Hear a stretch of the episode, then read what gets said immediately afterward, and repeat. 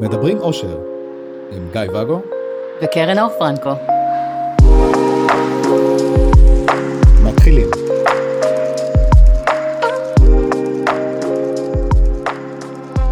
בוקר טוב, בוקר טוב, מה שלומך? מה שלומך? בסדר. רציתי לדבר איתך הפעם על השלבים בפתיחת מערכת יחסים, שלפעמים נראים כמו מרוץ, השלבים עצמם? נגיד, כן. כן. זוג פותח, בוא נגיד שהתחילו נקי, אין לאף אחד איזה משהו במגירה, כן. החליטו. עכשיו, ידוע שנגיד לנשים יותר קל אה, להתחיל לצאת לדייטים, לאו דווקא למצוא קשר, להתחיל לצאת לדייטים כי הם נשים, ויש הרבה גברים שמחפשים. גברים זה תלוי בגבר, נראות, כתיבה, כל מיני דברים כאלה, נגיד. זאת לפחות התחושה. אז זה כשלעצמו יכול לעשות אה, חוסר שוויוניות ורצון לעשות מרוץ, אבל גם אז מתחיל, נדמה, מרוץ של למי יש אה, יותר קשרים, למי יש קשרים יותר משמעותיים, מי עושה יותר או פחות אה, מין, מרוץ, מרוץ כזה של השוואתיות, שכולם מפסידים בה, בגדול. כן, זה נכון. אז, אה, אז רציתי לדבר על הנושא הזה של המרוץ, מה מביא אליו, האם אפשר אה, להימנע ממנו, אה, האם זה חלק מובנה בתהליך של ההתרגשות מהדבר החדש, ואין, פשוט צריך לתת לזה לקרות ולהירגע. כן. כן על השאלה האחרונה, לתת לזה להירגע. לא, לאו דווקא, כי זה, זה לא תמיד נרגע כמו שאתה יודע. זאת אומרת, אני חושבת שגם אתה מכיר איזה נגיד קשר אחד, שניים, הרבה, שנמצאים במקום הזה של אה, המונוגמיה כבר חמש, עשר, חמש עשרה שנה, ואתה עדיין תמצא שם את ההתעסקות הזאת בסימטריה. למי יש מה, וכמה זה כן או לא אותו דבר, מה אני עשיתי, מה אתה עשית, אני לא עושה, תעשי, כזה, נכון? אז זה לא באמת משהו של התחלה. זה גם משהו של התחלה כשעוד לא מבינים מי ומה ומי נגד, אבל זה לא באמת רק, זאת אומרת, זה משהו שמגיע מהבפנוכו. אז מה, מה היו כל שאר השאלות? היו שם המון שאלות, מלא שאלות שמת. כן, אז תעני עליהם. מה הם היו? אה, בואו נתחיל מהסוף, כי רק אותה אני זוכר. האם אפשר להימנע מהדבר הזה? כן, אל תעשו את זה. השאלה הבאה. תראה, כשאנחנו מסתכלים על הנושא הזה של פתיחה, אם תסתכל על הסיבות לזה, עכשיו, שתבין שזה נושא שהבאת לכאן ואף פעם לא התעסקתי איתו ככה, אני מעלה עכשיו את הדברים כאילו מאוד uh, גולמי, אבל uh, אם תסתכל על הסיבות שמובילות אנשים לפתוח מערכות יחסים, מה אתה יכול למצוא שם? מילה אחת, דיברנו על זה, חוסר. יפה. חוסר, חוסר בריגוש, חוסר בגיוון, חוסר במיניות, חוסר בעניין, חוסר ב... חוסרים מסוגים שונים. עכשיו מה... בתשומת מה... לב, בערך עצמי. ב... או... כי מה האדם מבקש לעצמו שם כשהוא פותח? מה הוא רוצה להשיג בזה? חיות, כן. חיות. אבל אמרת, חוסר תשומת לב, חוסר ערך עצמי, זאת אומרת, כל הדברים שאמרת, בסופו של דבר, הרבה פעמים מתנקזים למקום הזה של תשומת לב סלש ערך עצמי, כל מה שקשור בי, באיך אני. ואת המי אני ואיך אני, אנחנו נגזור ממערכת היחסים, ממה שנקבל בה, מאיך שנקבל, מהאם נקבל. זה בעצם יעיד על מי שאני ומה אני ואיך אני מרגיש עם עצמי. נכון? כן, קפצתי לראש באמת גם האנשים האלה שאומרים, אוקיי, אני נמצאת במערכת יחסים שנים. אני אוהבת מאוד, לא חסר לי דבר. Mm-hmm. הדבר היחידי שחסר לי זה תחושת ההתאהבות. Mm-hmm. בא לי את הפרפרים האלה של ההתרגשות מבן אדם חדש. כן, ו? ואז יש את ה... עוד בן אדם חדש, ועוד בן אדם חדש, ועוד בן אדם חדש. אז כן. מה שאני טוענת זה, החסר לי את ההתאהבות וההתרגשות הזאת, חרטוט. למה? כי זה לא באמת רק זה. הרי אתה לא מחפש רק להתאהב ולהתרגש מבן אדם חדש, ואם הוא לא יחזיר לך אהבה ולא ירצה אותך ולא ידבר איתך בחיים זה לגמרי בסדר, כי כל מה שרצית זה להתאהב ולהתרגש מבן אדם חדש. את זה אתה יכול לעשות גם כשהוא לא מתייחס אליך, נכון? אז זה לא באמת זה רק זה. פן. תודה. אתה מבין מה אני אומרת? זה לא באמת רק זה. ההתרגשות, התאהבות, זה, אדם חדש. זה שמישהו יתרגש ממני, תן לי כן. להרגיש את זה, תן לי להרגיש שאני משהו, תן לי להרגיש שאני מרגשת ושעפים עליי, נכון? כי מה אני אדע שם? שאני שווה? תודה. וזה מה שאנחנו מחפשים. אז אנחנו בעצם מבססים את התחושה שלנו על מערכת היחסים היא זאת שנותנת לנו את המשמעות. זה המצב ההתחלתי בעצם ש- שלנו, אוקיי? ואנחנו יצורים די השוואתיים, ואם הערך שלי הוא נגזרת של מערכות היחסים שלי, אני שווה כשיש לי, או כשמתלהבים ממני, אבל לבן הזוג שלי יש שתיים שוות שמתרגשות ממנו, איפה זה שם אותו בהשוואה אליי? אם זאת הראייה, זה יותר גבוה.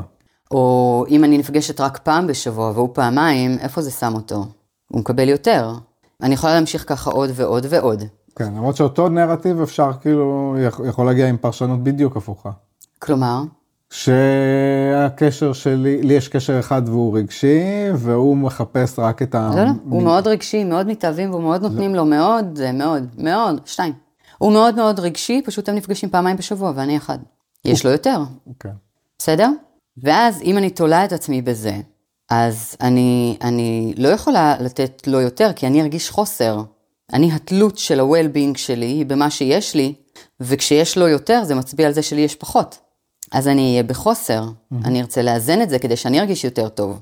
בין אם אני אשאף לעלות רמה אליו, או להוריד את שלו. או להגביל אותו. על זה עומדת הסימטריה. יש לזה עוד היבטים של אם הוא יוצא והוא לא איתי, ואני לבד כי אין לי אף אחד, אז אני לבד. אז אל תצא כי אני אהיה לבד, תישאר איתי כדי שאני ארגיש משהו. שאני לא אהיה לבד, שאני לא אתבאס, שתראה לי שאכפת לך ממני, שאני לא אנטש. אבל זה יושב על הדברים האלה. זאת אומרת, זה לא תחרותיות לצורך התחרותיות נטו, אלא כהשלכה או כאינדיקציה למי אני בתוך זה. מי אני בכלל, מה הערך שלי. אוקיי. אז מהבחינה הזאת בעצם זוגות שיעבדו על הסיבה לפתיחה ועל הערך עצמי ועל הדברים שלהם, אצלהם יהיה פחות, את חושבת? את ה... את ההתעסקות בזה? כן. בטח. בטח. תראה אותך ואותי בתחילת מערכת היחסים שלנו, נסתכל עליי. אחר כך תוכל להגיד מהמקום שלך. כבר שמנו כאן שהכרת אותי פחות מנוהלת, מטורללת שלא לומר. הערך העצמי שלי בין 0 ל-100 היה, שלוש. תודה, כן. כמה התעסקות הייתה לי בסימטריה. כמה התעסקות הייתה לי במשמעויות של אבל מה אתה עושה ומה אני. לא חושב שהיה הרבה. היה הרבה?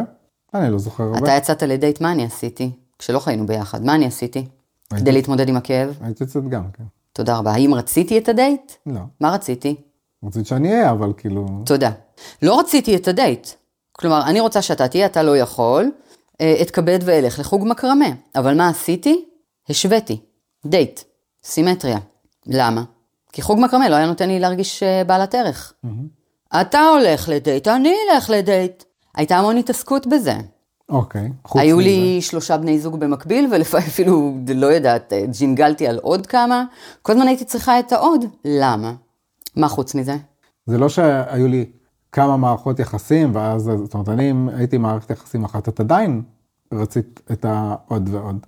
נכון, כדי לקבל ערך, ובהסתכלות שלי, בגלל שלך הייתה מערכת יחסים מאוד מאוד משמעותית, והיא הייתה ראשית, ואני הייתי משנית, ואתה זוכר, אני שאריות והצל וכל, אה, אני מסכנה, אני קטנה, אז אני פה ואתה שם, אני צריכה איכשהו להגיע אליך, אז אני לוקחת עוד ועוד ועוד ועוד ועוד. כי אתה לא נותן לי מספיק, והם לא נותנים לי מספיק, וכל אחד לא נותן לי מספיק, אני עדיין בלמטה.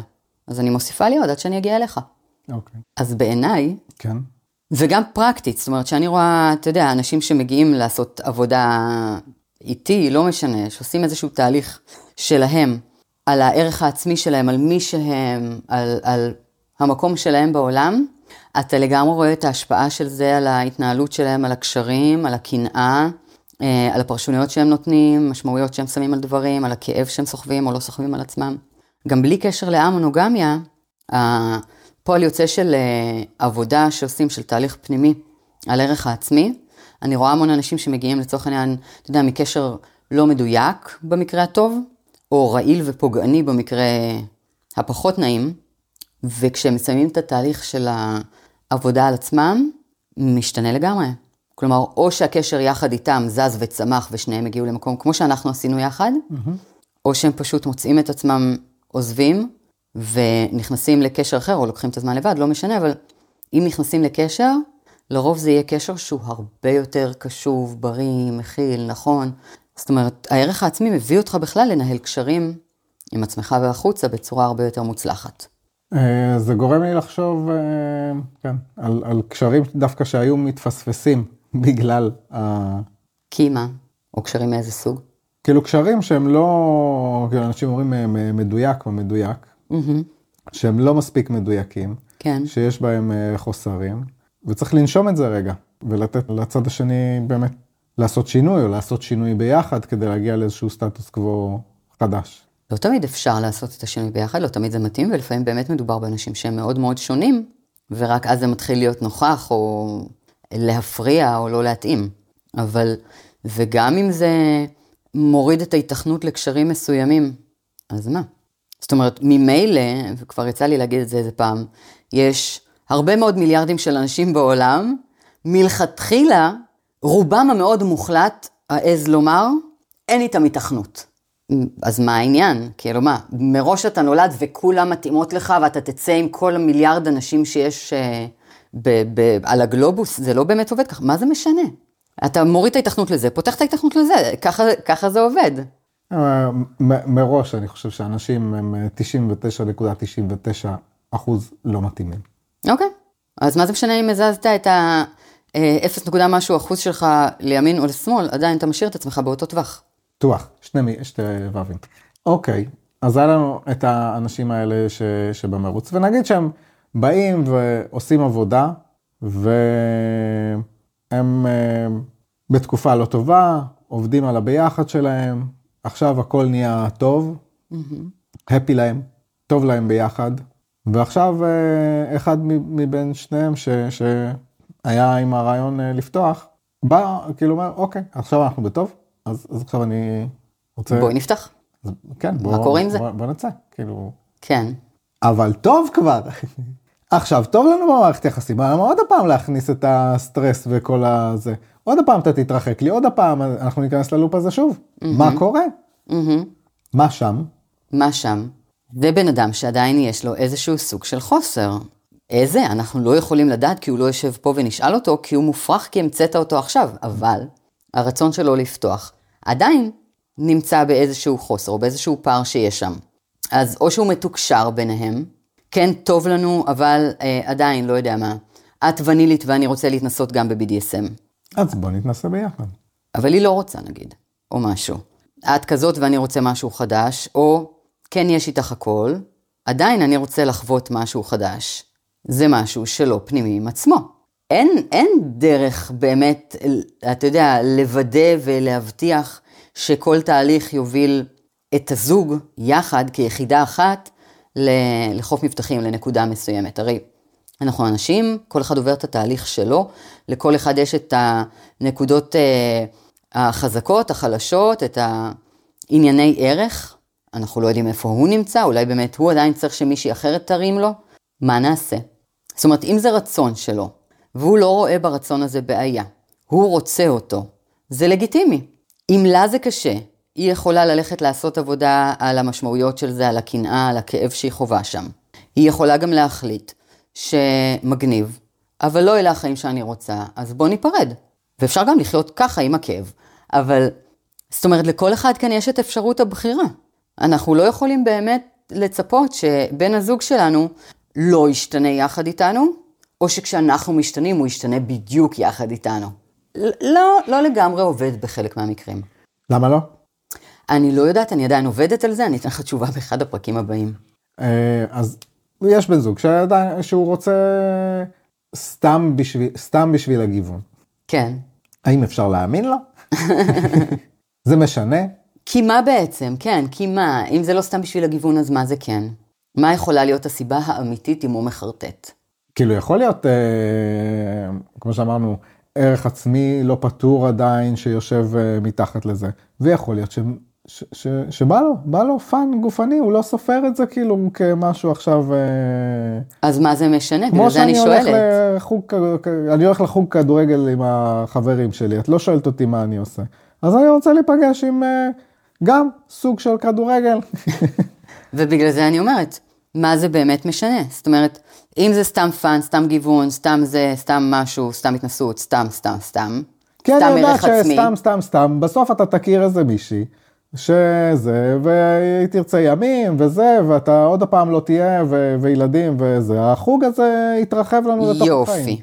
אז, כמו שאמרתי, זה לא באמת משנה הסיבה, אלא ההשלכות הפרקטיות של זה. ואם אני לצורך העניין מונוגמית, ונראה לי מטופש לחיות עם מישהו שהוא א-מונוגמי, כי אז הוא יוריד מהדברים שאני רוצה, כי הוא יהיה איתי פחות, הוא יהיה בבית פחות, הוא יצא איתי פחות, לא יודעת מה פחות. אז למה אני צריכה את השטויות האלה? ואני אגיד לך, טוב, אז זה לא מתאים לי ואני אקום ואלך. זה לא באמת כזה פשוט לפרק בית, אבל זה, זה אפשרי. כי פרקטית, לא זה מה שנכון לי לחיים. אז הסיבה לא באמת משנה. אם זה הגיוון, או ההתרגשות, או הערך העצמי, או החרטוט. זה לא באמת משנה, מה שמשנה לי זה ההשפעה הפרקטית של זה על החיים שלי. ואת זה אני כן או לא רוצה. ואז השאלה, האם למנוע את זה מראש, או לה- להתייחס למה שקורה כאן ועכשיו? איך למנוע את זה מראש? לא להיכנס לקשר או להיפרד. לא להיכנס לקשר, אנחנו כבר נשואים ועכשיו אמרת שאתה רוצה לפתוח, אז איך למנוע את זה מראש? לצורך העניין, אם, הם אה, נשואים, אז אה, להיפרד. אז אין לך מה למנוע כאן, כי בכל, ה- הדבר שלא רצית קרה ממילא. אתה רצית להישאר במערכת היחסים כמו שהיא, ואז באו ושמו לך את נושא הפתיחה. בכל מקרה הלך לך הדבר הזה שהיה לך בידיים. עכשיו זה או להתמודד עם פתיחה ולראות לאן זה יוביל, ל- אתה יודע, לעבוד על זה, לעשות, או לקום וללכת כי אני לא רוצה. אבל אין לך איך למנוע את השינוי הזה, בין אם זה לפתיחה או לפרידה. אין דרך באמת למנוע. הרי גם אם אני אגיד, אחלה שהבאת את רעיון הפתיחה, אבל אנחנו סיכמנו שאנחנו נשואים מונוגמיים? לא. אתה מכיר מישהו שזה לגמרי עבד לו וכאילו לא שילם על זה מחיר? אז יישארו איתי כי מפחדים ויבגדו בי ויעשו לי פרצוף ולא ייגעו בי כל החיים ובסוף ניפרד. אי אפשר למנוע את זה. אתה יכול רק להתמודד עם מה שזה יביא, כאן, לכאן או לכאן. ואז יש הרבה שאומרים שהמונוגמיה לא עובדת, כי הרבה זוגות אה, נפרדים. כאילו שזה מחזיק שנתיים, ואז הם נפרדים. שזה נכון, אבל המונוגמיה לא עובדת כי המון מהזוגות שמגיעים לאמונוגמיה, מגיעים מאיזו נקודה? של אוקיי, אני לא בטוח שיש לנו מה לעשות פה יותר. רגע לפני שנלך לחתום על ה... אה, לא חותמים על גט בגירושים. רגע לפני שנלך ונתגרש, בואי נפתח. זאת אומרת, ממילא היינו על הקצה. ממילא אנחנו, אין לנו כבר אה, מיניות חמש שנים, והפעם האחרונה שדיברנו הייתה בחופה. אין לנו פה מערכת יחסים מתפקדת, אני לא יודע אם זה הרוב, הרבה מאוד. כן? הרבה מאוד. הרבה מאוד מגיעים מחוסר שהוא חוסר קריטי, שאם החוסר הזה ימשיך, המערכת תתפרק. הם לא יישארו ביחד. תחשוב על זה, כמה זוגות מגיעים לאמונוגמיה, שהמיניות כבר לא קיימת שם, שיש להם קונפליקטים נוראיים, שיש להם קושי, ש... המון.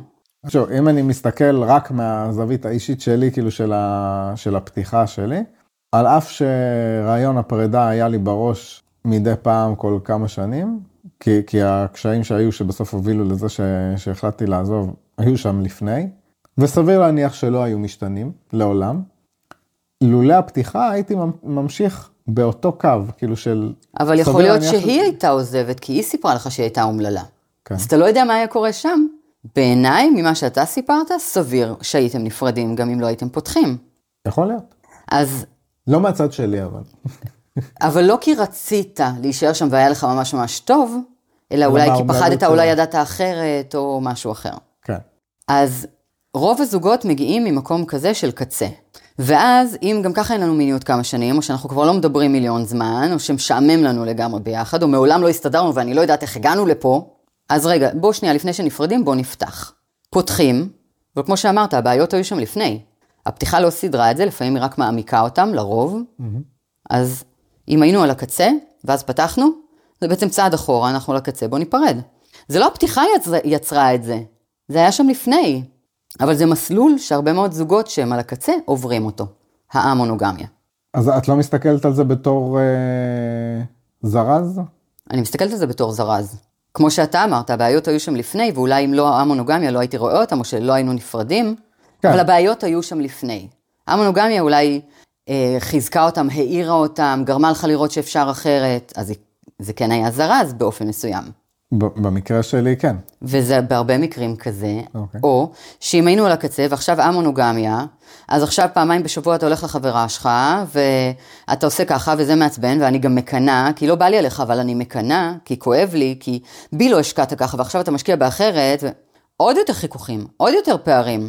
ברור שזה עושה משהו, ואז כן, זה מחזיר לנקודה של להיפרד. זה קורה המון. כמובן שיש גם זוגות שמגיעים בטוב, וזה לא מתנהל להם כמו שהם חשבו, זה פחות כמו באגדות. וגם הם נפרדים, גם זה קורה. המונוגמיה לא עובדת לכולם, אבל היא דרך חיים, והיא דרך חיים שיכולה להיות מעולה ונוחה ולתת פתרון במצבים מסוימים, לתת עוד אפשרויות, לספק המון צדדים בנו. בטח ובטח לאנשים, אתה יודע, שבגיל 20 כבר מצאו את עצמם נשואים, ובגיל 40 או 50, פתאום יש להם את האפשרות לעשות משהו ולגלות את עצמם מחדש. חיים שלמים הם לא, אתה יודע, לא התנסו בשום דבר, סוף סוף אפשר. איזה כיף זה. ואז הם יכולים לגלות, כאילו ש... ש...